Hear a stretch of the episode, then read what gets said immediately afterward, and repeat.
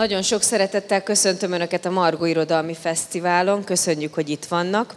Következő programunk keretében Kis Judit Ágnes, egy Nő alak szürke kontúrja című a Kalligram kiadó gondozásában megjelent munkájáról a szerzővel Mészáros Sándor fog beszélgetni, és Kis Judit Ágnes egyébként a beszélgetést követően dedikálni is fog hátul a ö, könyves ö, színpad oldalában, vagy, vagy most kint van a dedikálás? Bocsánat, most egy pillanatra eltévedtem. Tehát már kint van, mert jó idő van, mert itt két napig borzasztóan féltünk az esőtől, és behoztuk a dedikálást, de most már kint van, ki fog sütni a nap is. Úgyhogy nagyon örülök, hogy itt vannak, köszönjük szépen.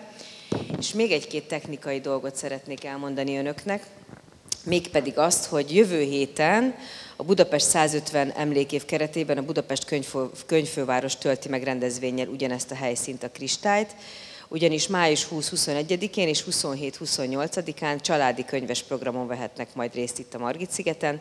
Lesz Pagony családi nap, kiállítás, kreatív könyves játék, a részletes programot pedig a könyvfőváros.hu-n fogják megtalálni, úgyhogy keressék meg, és várjuk Önöket oda is sok szeretettel.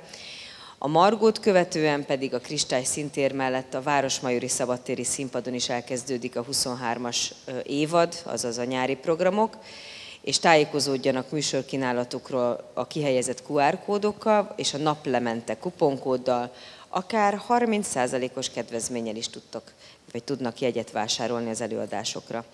Tehát Kis Judit Ágnes, Mészáros Sándor, és nagyon szépen köszönjük, hogy itt vannak. Kis Judit Ágnes, én vagyok Mészáros Sándor. Tehát a, e, igen, megijesztem önöket, azt gondoltam, mert hogy én is megijedtem, amikor ezt a könyvet elolvastam. Pontosan az első két oldalát is így letettem. Pedig hát elég sok szöveget olvastam, és annyira megrázott, olyan erőteljes volt, másrészt nagyon zavarba ejtett, mert egy ilyen hideg pontossággal elmond egy történetet, és ezt az ember nem akarja. Azt gondolom, hogy legelső elem egy ilyenfajta könyvnél ez a visszahátrálás. Mert hogy egy olyan történet, amely a hallgatás, az el nem mondhatóságnak, egy tehát pedofil történetről van szó, amit nagyon sok helyen rosszul lehet megírni. Miért vállalkoztál erre? Hú, mert már nem bírtam tovább hallgatni, vagy csöndben maradni. Az alaptörténet, ami, ami tényleg ez, a, ez az abúzus történet, ez nagyjából 30 éve hordozom, és a regénynek az első részét azt már évekkel ezelőtt elkezdtem írni, és nagyon sok erő, meg bátorság, meg sok-sok külső körülmény kellett hozzá, hogy ezt megírjam, mert nem olyan téma, amiben olyan lelkesen lubickolna akár az író, akár az olvasó.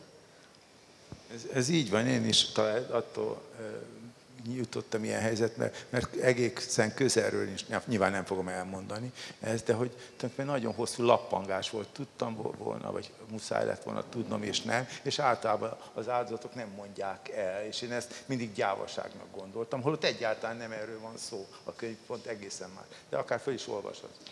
Hát igen, az, az biztos, hogy néha évtizedekig hallgat az áldozat, vagy nem tudjuk valakiről évtizedeken át, hogy ő bántalmazó, és most azért már eléggé a közbeszéd része lett. Nekem az lett fontos, hogy a szem és fültanúnak milyen felelőssége van, hogyha egy ilyen történetről tudomást szerez, vagy egyáltalán milyen lehetősége van.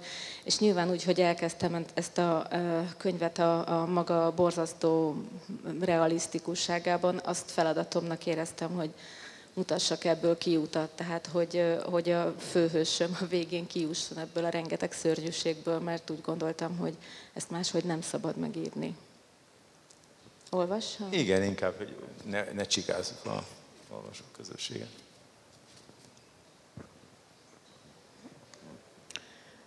Egy nő alak szürke kontúrja a kora hajnali kék derengésben.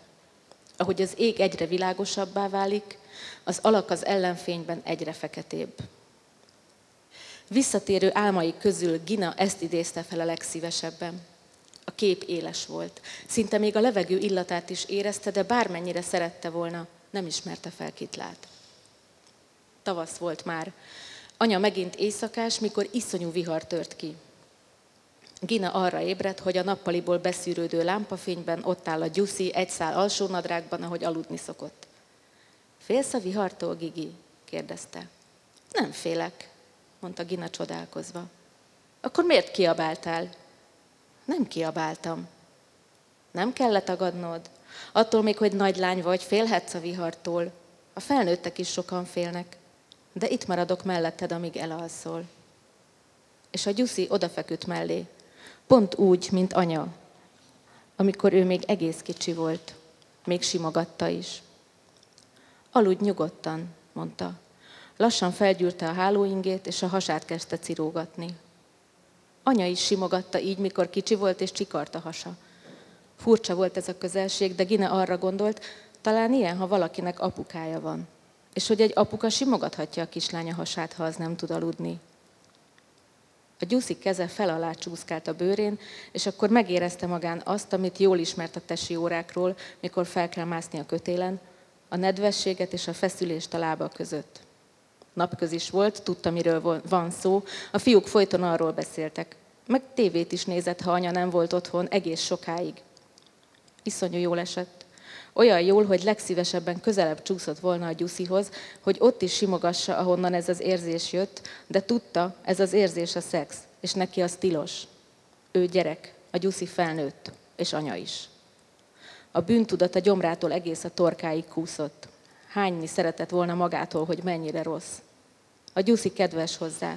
Azt akarja, hogy el tudjon aludni. Ő meg egyre éberebb, és szexet érez. Úgy tett, mint aki alszik. Direkt hangosan szuszogott, és hátat fordított, mintha álmában tenné. A Gyuszi tovább simogatta most a fenekét, nem is csak a dombot, hanem beljebb egész a vágatban, és ő is egyre hangosabban szuszogott, de nem úgy, mint aki alszik. Gina a mozdulatokat is érezte maga mögött. Tudta, hogy mit jelentenek, és rettenetesen szégyelte magát, hogy szexet csinált a Gyuszinak. Végül a Gyuszi kiment, becsukta maga mögött az ajtót. Gina akkor kezdett remegni, mintha a hideg rázná, és még órákig nem tudott elaludni. Ismeretlen fényjel álmodott azon az éjszakán. Fehér volt, mégsem vakító, és nem volt forrása, csak árad szét a szobában, mintha a falakból jönne. Zúgás is hallatszott, mint mikor sirályok szállnak csapatostul a tenger fölött, vagy mint maga a tenger, de lehet, hogy csak a vihar távolodott. Másnap a Gyuszi úgy tett, mintha nem is történt volna semmi kenyeret kent a reggelihez, meg tíz óraira, és nagyon kedves volt hozzá. De néhány nap múlva újra jött, és aztán valahányszor anya éjszakás volt. Akkor már nem volt kérdés, hogy miért. Ürügyet sem keresett, csak befeküdt mellé az ágyba és simogatta, és aztán neki is simogatnia kellett, egyszerűen a kezébe nyomta, neki szorítania kellett, a Gyuszi meg föl alá csúszkált a lepedőn, míg el nem kezdtek belőle jönni azok az undorító hangok, meg az undorító folyadék. Gina nem mert anyának elmondani semmit, de senki másnak. Még Lettinek a barátnőjének sem, akivel azelőtt mindent megosztott. Úgy érezte, amíg hallgat róla, addig igazából meg se történt, olyan, mint valami rossz álom, reggelre épp úgy elmúlik. Ha elmondja bárkinek, akkor valósággá lesz. Ijesztő valósággá a Gyuszi összes éjszakai hörgése, amitől a legjobban írtózott. Az izgalom még mindig felcsapott benne, hogy a Gyuszi simogatni kezdte, de a bűntudat a következő percben elmosta, akkor már csak undort érzett, és ez az undor lassan elterpeszkedett minden más érzésen. Már nem volt szerelmes az osztálytársába, Kamarás Gáborban sem. Anyával ritkán tudott kettesben lenni, általában hétvégén, amikor elkísérte vásárolni. Egyszer próbálta arra kérni, hogy ne vállaljon több éjszakai műszakot, de anya letorkolta, hogy mennyire önző. Arra nem gondol, hogy meg kell élniük. Az ő Gina tanítatása is milyen sokba kerül, a külön angol, mert az iskolai nyelvoktatás szart se ír, meg a ruhái, főleg amióta olyan kis divatmajom lett, mint a többiek. Gina elszégyelte magát, és nem beszélt többet erről, csak rettegve várta az éjszakákat, ha anya nem volt otthon. Amikor a Gyuszi bejött hozzá, megpróbált úgy tenni, mint aki mélyen alszik, még horkolt is. És eleinte ez néha meg is mentette, aztán a Gyuszi egyre követelődzőbb lett, és ha tényleg aludt, egyszerűen felrázta, aztán már nyomakodott is a lába közé. Amikor vége lett a tanévnek, Gina minden táborba el akart menni, amit csak hirdettek. Persze nem lehetett, mert nem volt annyi pénzük, anya hiába éjszakázott, és megint leszitta, hogy csak magára gondol, és azt hiszi, két felnőtt kizárólag azért gürizik, hogy ő, Gina, kedvére üdülhessen. A tanulmányi tábor rendben van, de mit akar a cserkészektől, mikor soha nem volt cserkész, meg nem is lesz? Majd elmennek együtt Horvátországba, a tengerhez egy hétre. Az legyen elég. Más gyerek ennyit se nyaralhat, kérdezze csak meg az osztálytársait. Gina akkor nyögte ki, hogy ő nem szeretne a tengerhez menni. Anya felháborodott. A gyuszi miatt, morogta Gina, és a földet nézte. Mi a franc bajod van vele? Hogy éjszaka bejön, és fogdos. Anya pofon ütötte. Szégyeld magad ilyet kitalálni a nevelőapádról csak azért, mert nem szereted? Meg ne halljam még egyszer, hogy ilyesmivel vádolod, ez undorító. Nem tudom, hol szedted össze. Az osztálytársaitól? Eljössz velünk Horvátországba, és más sehova nem mehetsz, világos? Gina hallgatott. Anya úgy tett, mint aki egy szavát se hiszi, de nagyon figyelte onnantól kezdve a gyuszit, és nyáron ritkán éjszakázott. Ginát meg olyankor elengedte Lettiékhez aludni. Ez a regényrészlet hihetetlen eh, éles, vagy ilyen 200 oldalon nem lehet, vagyis 300 majdnem ez a szöveg, eh, és nyilván ez a nagyon erős, éles kezdés mindig tud fokozódni. Azt gondolom, hogy művészileg a regénynek ez egyik legnagyobb dolga, hogy képes ezt a történetet vissza és újra venni. A két, ugye a mostohapa és a anya történetet tulajdonképpen mindvégig egy ilyen hihetetlenségben és árulásban van. Nem fogom elmondani a történetet, viszont állandóan és állandóan új szereplőket hozol be. Miért teszed ezt? Hát egyrészt, mert, mert iszonyatosan fullasztó lenne ez a, a világ, hogyha ez a három ember össze lenne zárva, és nem lenne kiút. Másrészt az a tapasztalatom, hogy egy ilyen nagyon mm, látszatokon, hazugságokon, elhallgatásokon alapuló rendszerben, amivé bizonyos családok válni tudnak, az áldozatnak az egyetlen lehetősége kívül van. Tehát, hogyha egy barátja, egy tanára, bárki észreveszi, hogy itt valami olyan dolog folyik, aminek nem kéne, pláne nem egy családon belül. És tulajdonképpen én ezzel a főszereplőnek kínálom a, a kiutakat. És közben meg az... Többes szám. Tehát mi az, hogy kiutak? Hát talán minden új kapcsolatban benne van a kiútnak a lehetősége, hogy egy rendszeren kívüli személy egyszer csak megtudja, és kezet nyújt, és kihúz ebből. De közben ott van az a szörnyűség, amit nyilván nem lehet így explicit belerakni egy regénybe, hogy akivel ilyen visszaélések megtörténnek, az szinte kreálja újra ezeket a helyzeteket, mert hogy ezzel a főhőssel is ez történik, hogy ő ő nagyon ki akar törni, hiszen végig az van, hogy hát ez nem, nem normális, és közben folyamatosan olyan helyzetekbe sodródik, ahol, ahol ezek a borzalmak valamilyen variációban megismétlődnek.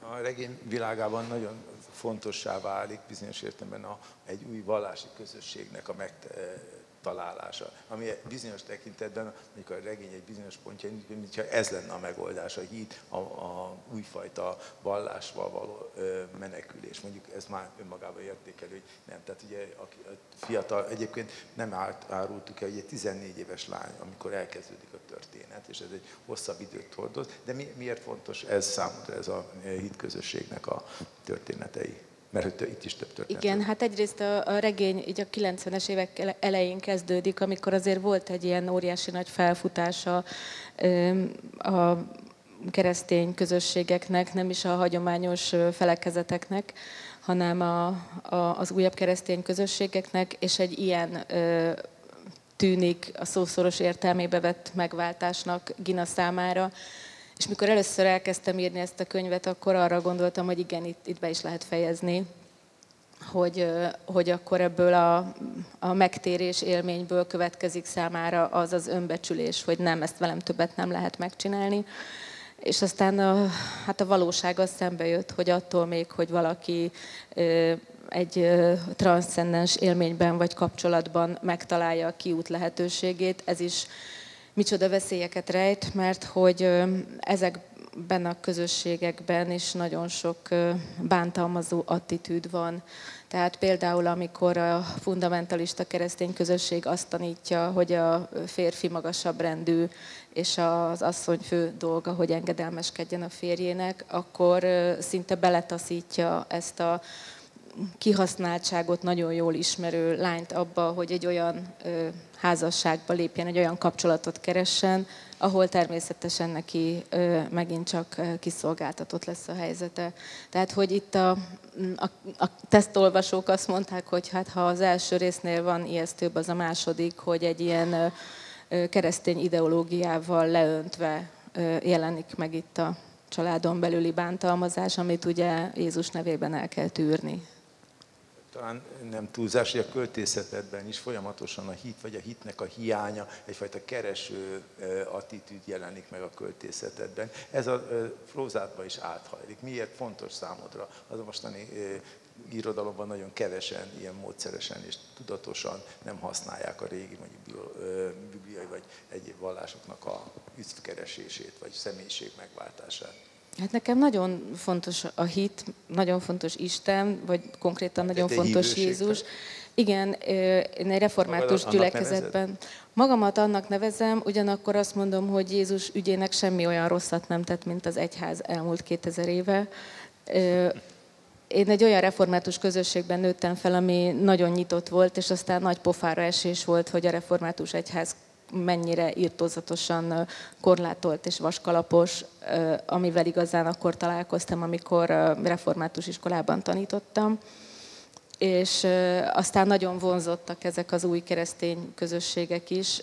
Amit én leírok a regényben, az nagyon hasonlít egy bizonyos Magyarországon lévő ilyen keresztény Ezt felekezet. Ezt kérdezni, hogy akkor nyilván volt mintád is. Abszolút volt mintám.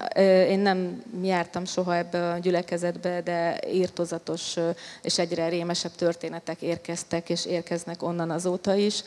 És eleinte, 16-18 évesen azt hittem, hogy a, a hagyományos keresztény felekezetek ártanak Jézus ügyének, de most már azt mondom, hogy minden olyan, ami, ami a személyességről a, a, a rendszer felé tereli az embert, és, és olyan tudom én, hát egy ilyen vallást épít föl, és akkor az Istennel való kapcsolatot az a megfelelési kényszer váltja fel, és teljesen mindegy, hogy keresztet kell vetni, és le kell térdelni, vagy kitárt karral kell imádkozni az Úrhoz, az egész mögött valami olyan rettenetes hazugság húzódik, hogy csak egy dolog ne történjen meg, hogy te önmagad vagy, hogy te bevallod, hogy ki vagy. És nekem az a személyes tapasztalatom ezekkel a a gyülekezetekkel vagy közösségekkel, hogy így engem is rettenetesen megpróbáltak ebbe a keresztény nő szerepébe bele kényszeríteni, és, és rettenetesen szenvedtem tőle, és eljutottam odáig, hogy az Isten jól kibaszott velem, hogy nő vagyok, és, és évek elég kemény munkája volt abban, hogy a, az Isten képemről levegyem ezt a, az egyházi arcot, ami, amivel ez összemosódott. Tehát most nem tartozom ilyen semmiféle gyülekezethez, és aztán nem is szeretnék, de Jézust sem szeretném elfelejteni. Ugye ez nem tartozik a beszélgetésünk lényegi részéhez, de mint hogyha politikailag is nagyon kevés olyan írástudót ismerek, aki egy politikai rendszerhez lelkesen hív, és majd aztán egész eltávolodott és nagyon erős kritikusává vált költészetedben, stb. Tehát magyarán a Fideszre való konfliktusod hasonlít ehhez a történethez? Hasonlít annyiban, hogy, hogy az ember hoz otthonról valamit, történeteket, narratívákat, és az én családi narratívám az a nemzeti keresztény ellenzéki, amiből nagyon sok minden egyenesen következett, és így a, a mostani kormányjal azért vagyok haragban, és sokkal nagyobb haragban, mint eddig bármelyikkel, mert azokat a dolgokat vette a szájára, és lehetetlenítette el, és hiteltelenítette el, ami nekem fontos volt. Tehát ma már nem tudom azt a szót, hogy nemzet, enyhe fogcsikorgatás nélkül hallgatni. Én, aki táncházban nőttem föl, hogyha most magyar népzenét hallok, akkor van bennem egy összerándulás, hogy milyen ideológia fog e mögül kitüremkedni, és amikor Jézus nevét a szájukra veszik, akkor, akkor pedig én valami sokkal csúnyábbat vennék a számra. Ez elég furcsa pont a mai, vagy az elmúlt napokban. Teljesen véletlen egy régi versed, most gyakorlatilag azt hiszem, hogy a mémeknek és a Facebooknak a egyik legkedvesebb. Hogy éled meg, miközben azért nem olyan egyszerű azt gondolom, hogy azért mondjuk Demeter Szilárd is küldött egy fatvát neked.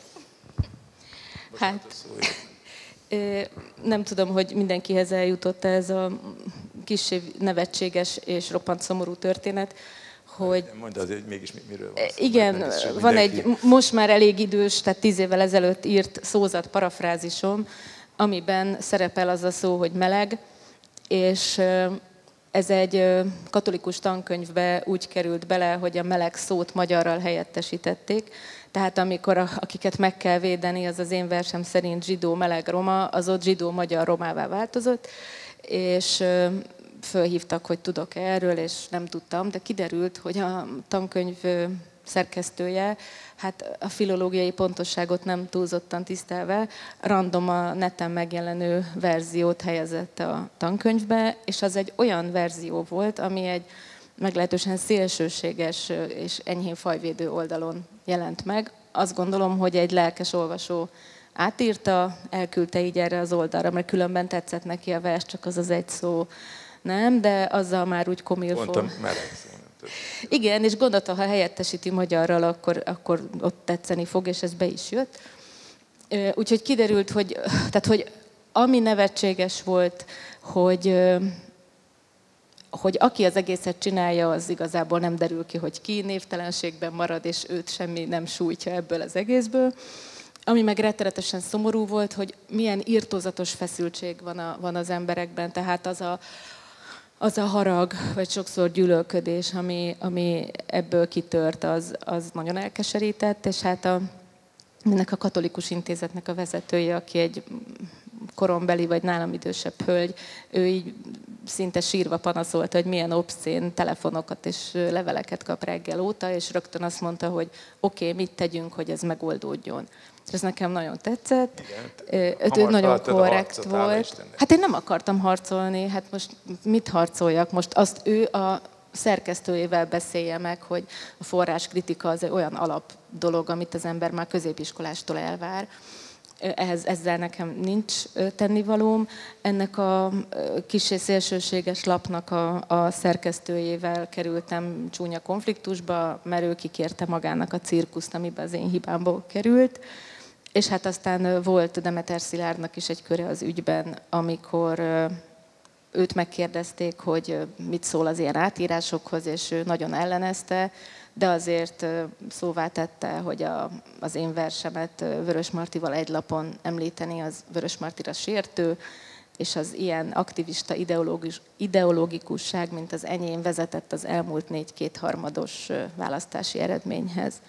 Úgyhogy nagyon hamar sikerült az irodalomról a politikára terelni a szót, hiszen ahhoz ért.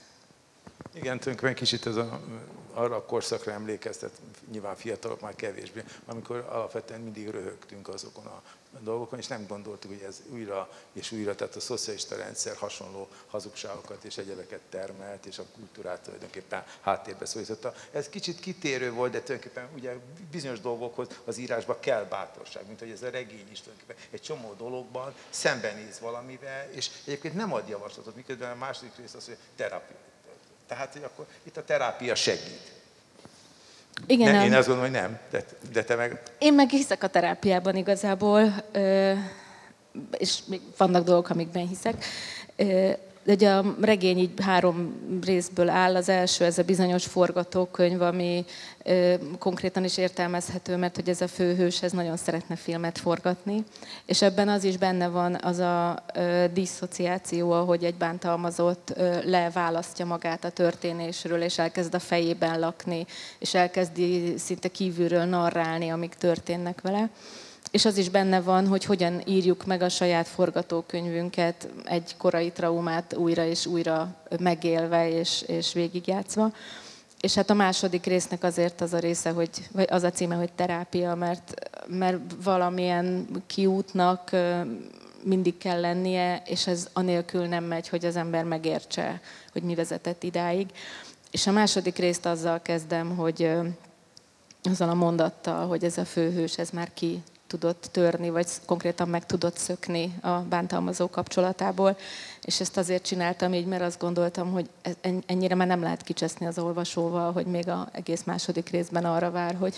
Meg nem lehet állni, mindig feketét feketével. Igen, és akkor igazából ez egy ilyen visszatekintés, ahogy a terápia is fölfejti, hogy tulajdonképpen hogy is jutottunk ide, és közben arról is szó van, hogy önmagában az, hogy ki tudok törni egy bizonyos helyzetből még nem jelent megoldást. Tehát még, még egy csomó minden van, amit ott gyógyítani kell.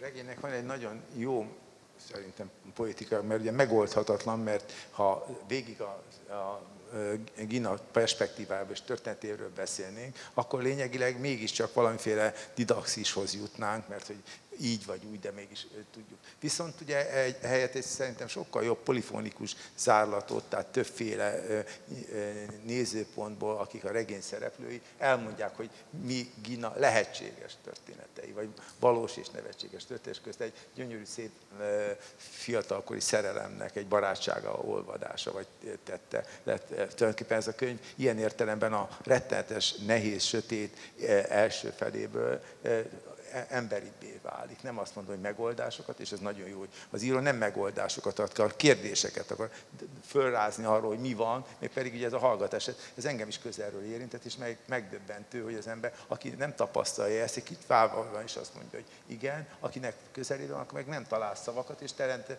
bizonytalansággal. Nem tudom, hogy így volt-e, vagy nem így. Igen, a, a regény harmadik része, annak az a cím, hogy megszólítások, és tulajdonképpen levelekből áll, amiket Ginának írtak, különböző fontos szereplői az életének, mindegyik máshogy szólítja meg, és mindegyik egy kicsit mást mond el az életéből, és ezen, ezeken a leveleken keresztül derül ki, hogy ő hogyan tud mégis magára találni, vagy mi az, amit meg tud találni ebben, és, és valóban nem hiszem, hogy egy ilyen üdvözítő megoldás van, mégis szerintem azt sugalja ez a könyv, hogy ebből a rendszerből csak egy rendszeren kívüli személy segítségével lehet kilépni, és az, az tulajdonképpen mindegy, hogy kicsoda, de amíg ennek a főhősnek is nincs, aki kezet nyújt, nincs olyan barát, aki azt mondja, hogy hogy az, az, ahogy te élsz, az nem normális, lehet máshogy élni, addig föl sem merül, és én egyébként ezt látom a, ezekben az áldozatokban, hogy az én erejük nincs meg ahhoz, hogy kilépjenek, mert föl sem merül bennük, hogy lehet máshogy. És hogyha valaki képes ezt a képet nekik megfesteni, hogy lehet máshogy, akkor elkezdenek erre a máshogyra vágyni, és akkor lehet, hogy, hogy van kiút, de, de nyilván receptkönyv az, az nincsen. Igen, tehát pont inkább ezt akartam mondani, hogy az irodalom az nem ad recepteket, hanem problémákat, kételyeket, és nyilván a, azt hiszem olvasótól függ, hogy ő hogyan olvassa a harmadik részt, vagy egyáltalán ezt a sokféle lehetőséget az emberi sorsoknak, mert így van, nem de, determinál. Minden, ugye a mostani ilyen traumairodalom állandóan azt gondolja, hogy meggyógyítható több a szöveg, az írás arról szól, hogy akkor ezt a egykor elszenvedett traumáinkat kigyógyítjuk ennyire nincs szerintem az irodalomnak eh, hatalma. Ennél kevesebbre és többre van. Egyszerre ugye az, hogy elmond történet lehetőségeket, amely nem kiállja, mert ugye az egyház vagy a dogmatiszták el tudják így és így, vagy ideológikus emberek. Az irodalom kérdéseket vagy sorsokat mutat meg, és hogy sors marad a, a, a, a különböző, és egyáltalán egy világban körülötte, nem egy történet van. Igen, az... Ezt teszed a regényben legjobban, e... hogy valamit azért, azért abban nagyon reménykedem, hogy az a mm, sötét indítás, ami, amiből fel is olvastam, azért az valamennyire kiszínesedik, vagy kivilágosodik. Tehát azt, azt nem tudtam, vagy nem akartam volna megcsinálni, hogy ez ennyire sötét maradjon, de jártam már úgy, hogy azt gondoltam egy könyvemről, hogy ez ilyen derűs, mennybe menős a vége. Újraolvastam, és úristen, adjatok egy pengét. Szóval, hogy, hogy belefutottam abba, hogy mégse annyira derűs, és ezt a könyvet is úgy adtam ki a kezemből, hogy azt gondolom, hogy a végén van valamiféle fölemelkedés, és ez a, amivel kezdődik a, a, a könyv, és ami a címét is adta, ez a bizonyos nő alak szürke kontúrja, ami ez visszatérő. Mindig, mindig megismétlődik, és mindig másfajta magyarázatot ad rá ez a Gina, ez a főhősnő, hogy mi ez. lírai elem a szövegben. Tehát Ugye ezt nem tagadtam meg a költőiséget, de ezt akartam, hogy te azért ugye van egy regényed, de hogy a prózához igen későn kezdtél. Miért? Hát nekem a, egyértelműen a vers a, az irodalmi anyanyelvem, tehát uh, akkor Mit írok... Jelenti anyanyelved? Hát, hogyha valami ö, megmozdít, akkor valószínűleg versként fog először megszületni, vagy versként fog legkönnyebben megszületni, vagy abban vagyok a leginkább biztos. Lehet azért, mert ott, ott sokkal több ö, fogódzó van stilárisan, vagy formailag. Ott, ha megírok egy szöveget, mondjuk másnapra, hogy így lecseng, már nagyjából el tudom dönteni, hogy hogy sikerült. Ö, másrészt az, az egy ilyen impulzív dolog, hogy egy ötlet tulajdonképpen néha elég egy buszmegállóban várakozás közben meg tud születni egy vers. A regényhez türelem kell, meg, meg fenék, minden nap odaülni, vagy minden másnap, újra megtalálni ugyanazt a hangot. Én nem tudok ilyen nagy meséket szőni, amiket tátott szájjal figyelek, amikor, mint a makaramé így összerendezgetik a szálakat a, a prózaírók, tehát így a piciből építkezem a, a prózában is, meg nagyon finnyázok a legkisebb kötőszón és igekötőn, hogy az most biztos, hogy úgy kell le oda, amit ugye versben természetes nem is lehet máshogy. És hát... Nem vitatkoztunk is ugye egyetlen dolgon, hogy a, mindig a, be, tehát a, a Gyula, a, és ezt mondtam, hogy kell ritkítsuk, ő meg jó, hát akkor igen, hogy a névelőket a nevek elől általában kihagyom, kivéve a Gyuszinál, mert hogy ő a, tehát hogy szerintem ott van... gonosz is. Igen, tehát hogy ott szerintem van különbség, hogy most Géza és a A költészet pont, eh, igen, tehát én azt gondolom, hogy a magyar idomnak, de ez most egy másik beszélgetés lenne, hogy sokszor a költők azt gondolják, hogy prózaírók is, és ez teljesen, és mint Babics Mihály, tehát a legnagyobb, de hát regényei nem jók vagy nem olyan jó. És így tovább. De most nem erről beszélek, hanem arról, hogy tudni kell, hogy mi az erő. És ebben, ebben nagyon, nagyon visszafogott volt. Tehát nem, egyáltalán nem költői szöveget írtál. És ez nagyon jó, mert a költők elkezdenek írni, akkor ilyen kicsit gennyes, gej szövegek jönnek. Hát igen, itt, itt egyetlen esély volt egy ennyire ne, nehéz témánál, hogy nagyon szikárra venni a nyelvet és közben meg, meg ezt a pici lírai részt muszáj volt benne hagynom ahhoz, hogy valami elemelkedjen. Talán ez az első olyan regény, amiben nincsen csoda. Tehát a korábbi regényeimben mindig van valamiféle mágia, vagy, vagy szürreális, és ebben nincs. És, hogy De ez ne... a remény van tulajdonképpen. Igen. Valami, mégiscsak ez a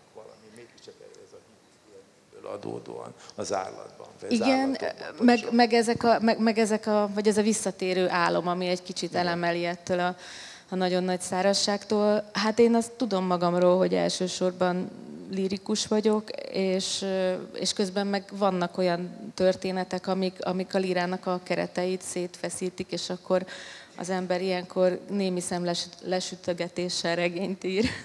És vannak olyan mintáid írók, akik, akik hatottak rád, mert ugye a prózában segítettek, vagy ez tulajdonképpen, tulajdonképpen nem lényeges? Persze, ott is vannak, és a, ez a bizonyos mágikus realizmus az ö, nagyon hatott rám, meg, meg Kafkának ez, a, ez az őrülete, hogy csak az elején történik valami szürreális, és, és utána minden ilyen egészen pontosan, ö, reálisan le van írva, ez nagyon. Meg hát az, hogy, hogy mennyire nem a, a sztori számít, hanem a nyelv.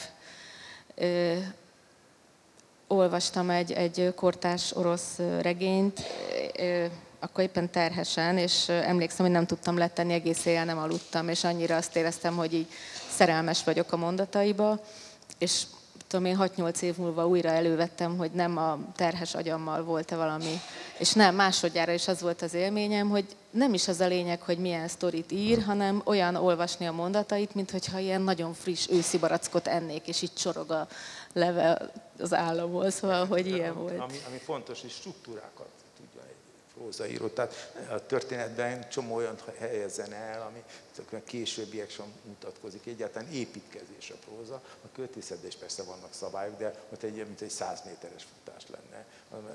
Ez meg mondjuk hosszú táv, legalább 5000. Na igen, ez benne a nehéz, és, és emiatt nem tudom, hogy ez szabad-e ilyet bevallani, hogy én ilyen összehányt mondatokat írok iszonyú sokáig, és akkor utána... Tisztítod Hát utána abból, tehát hogy nincsen, nincsen kronológia, nincsen sztori, még nincs semmi, csak mondatok, és akkor utána abból kezdek így ö, valamit és összeszőni. És mi volt az a mag, amiből elindultál? Nyilván nem a történet, hanem valami, akkor ez a, amire a cím is utal, vagy, vagy ez Nem, igazából azt tartja össze szerintem ezt a, ezt a három részt, De ami... Indítottál? Nyilván egy pillanatig se Itt történet, történet volt a... Ez mennyire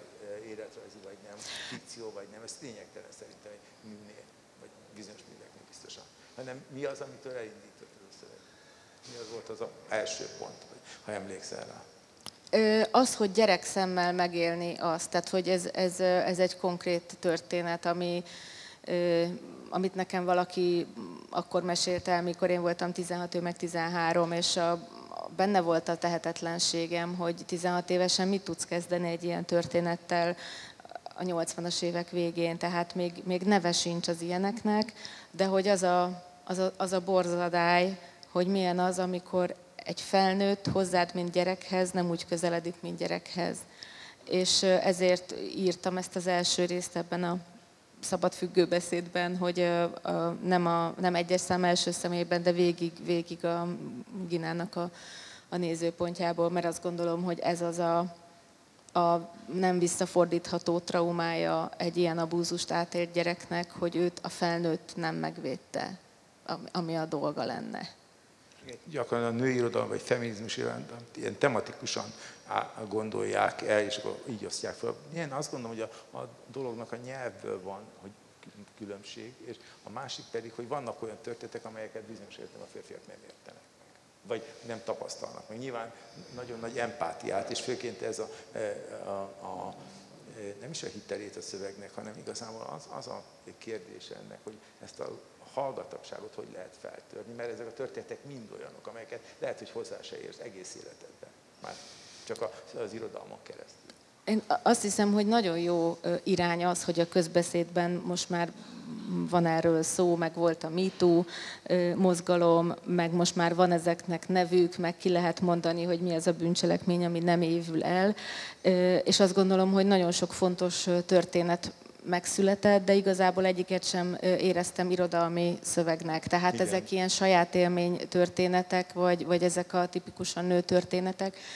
És én pont a nyelv irányából azt a azt az álmot álmodtam, vagy azt a célt tűztem ki, hogy ugyanígy egy, egy ennyire nehéz és, és nem tudom én személyes önéletrajzi történetekből ismert témát elővegyek, de kifejezetten a nyelv oldalá, oldaláról, vagy irodalmi oldalról közelítsem meg, vagy megpróbáljam irodalmivá tenni, mert, mert ez tényleg majd, hogy nem azt lehet mondani, hogy divatos lett mondjuk a, a, a családon belüli erőszakot átélt áldozatok, amikor végre kinyílnak és elmondják, és ez tök jó, de közben e körül emiatt teremtődött egy olyan nyelv, aminek az irodalmi nyelvhez semmi köze. Tehát egy ilyen nagyon, ahogy mondtad, hogy ilyen nyálas, vagy nem is tudom, szóval, hogy egy ilyen túlbuzgó nyelv, ami, ami szerintem egy regény nyelvekként nem működik. Tehát, hogy nem, nem lehet az, hogy csak mindig nyomom a gáz. Tehát az ilyen vallomásos, amik szintén dokumentumként, vagy e, emberi történetként megszólalnak, az fontos dolog. Annak Igen. ez az elhallgatás kultúrája után, hogy ez felszabaduljon, de ebből nem mindig lesz irodalom. És én azt gondolom, hogy Juritnak a, egy, egy, ez a regénynek nagyon fontos eleme, hogy íróilag is megállja. Tehát, hogyha én ugye, e, ezzel foglalkozom, tehát hogy kétszer is elolvasom. És hogyha egy szöveget kétszer el lehet olvasni, akkor az már valami. Mert általában ugye az elsőre könnyű, mert így, akkor a sztori van csak, igen. Igen, de nem a, nem a történetet kell, hanem az egésznek ezt az összetettségét, mert a dolgok is, amilyen egyszerűnek látszik a dolog, hogy ez a gonosz, ez a ez később nem így van, semmi sem fehér és fekete, és ez egy jó szövegben, egy jó könyvben megvan. És ez ilyen értelemben regény. Gondoljunk, amit akarjunk, és ne tegyünk elé ezt vagy másik. Azt hiszem a, a, a H. János mondta valahol, hogy ő például azért nem tud egy ilyen bántalmazó történetet megírni, mert neki, mint írónak kötelessége minden szereplőhöz empátiával állni, és ő egy ilyen helyzetben a bántalmazóhoz nem tudna empátiával állni. És ez nagyon el is gondolkoztatott, hogy hú, hát akkor én ezt most hogy fogom megcsinálni. És aztán egyrészt arra jutottam, hogy például a holokauszt irodalomban valahogy senki nem várja el az írótól, hogy empatikus legyen azzal a náci tisztel, vagy nem tudom, mengelével. És én se tudtam odáig eljutni az empátiában, hogy egy, egy teljes, nem tudom én, részt adjak a bármelyik bántalmazónak is, de ebben a megszólításos harmadik részben van egy levél, amit ez a bántalmazó férj ír a feleségének, mikor megpróbálja rávenni, hogy hát jöjjön vissza, és ezt javítsák ki.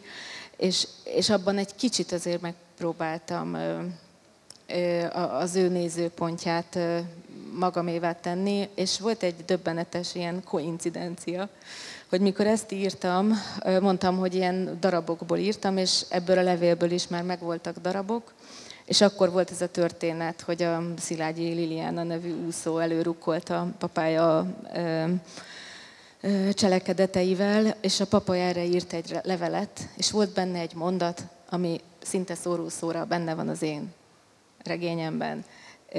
És akkor csak álltam tátott szájjal, hogy tényleg, mintha ugyanabból a tankönyvből készülnének föl, és vizsgáztak volna le, hogy nem tudom én, összetörted a szívemet, amelyel téged oly mélyen szerettelek, tehát valami ilyen egészen, egészen arcspiritóan kínos mondat, és hogy még így gondolkoztam is, hogy nem túlzása ez, és amikor egy hát valóságos ilyen férfinak a szájából egy ilyen mondat kijön, vagy tollából leíródik, akkor ez mégsem túlzás legyen ez a végszó, illetve azt gondolom, hogy nagyon sok mindent nem mondtunk el a könyvből, és azt hiszem, hogy ez a legjobb, mert ezért olvassák el. Őszintén szóval tényleg azt gondolom, hogy fontos könyv ez a kortárs irodalomban. Köszönöm szépen a figyelmüket, és is a köszönöm. könyvet. Dedikálni fog a kint. Köszönöm szépen.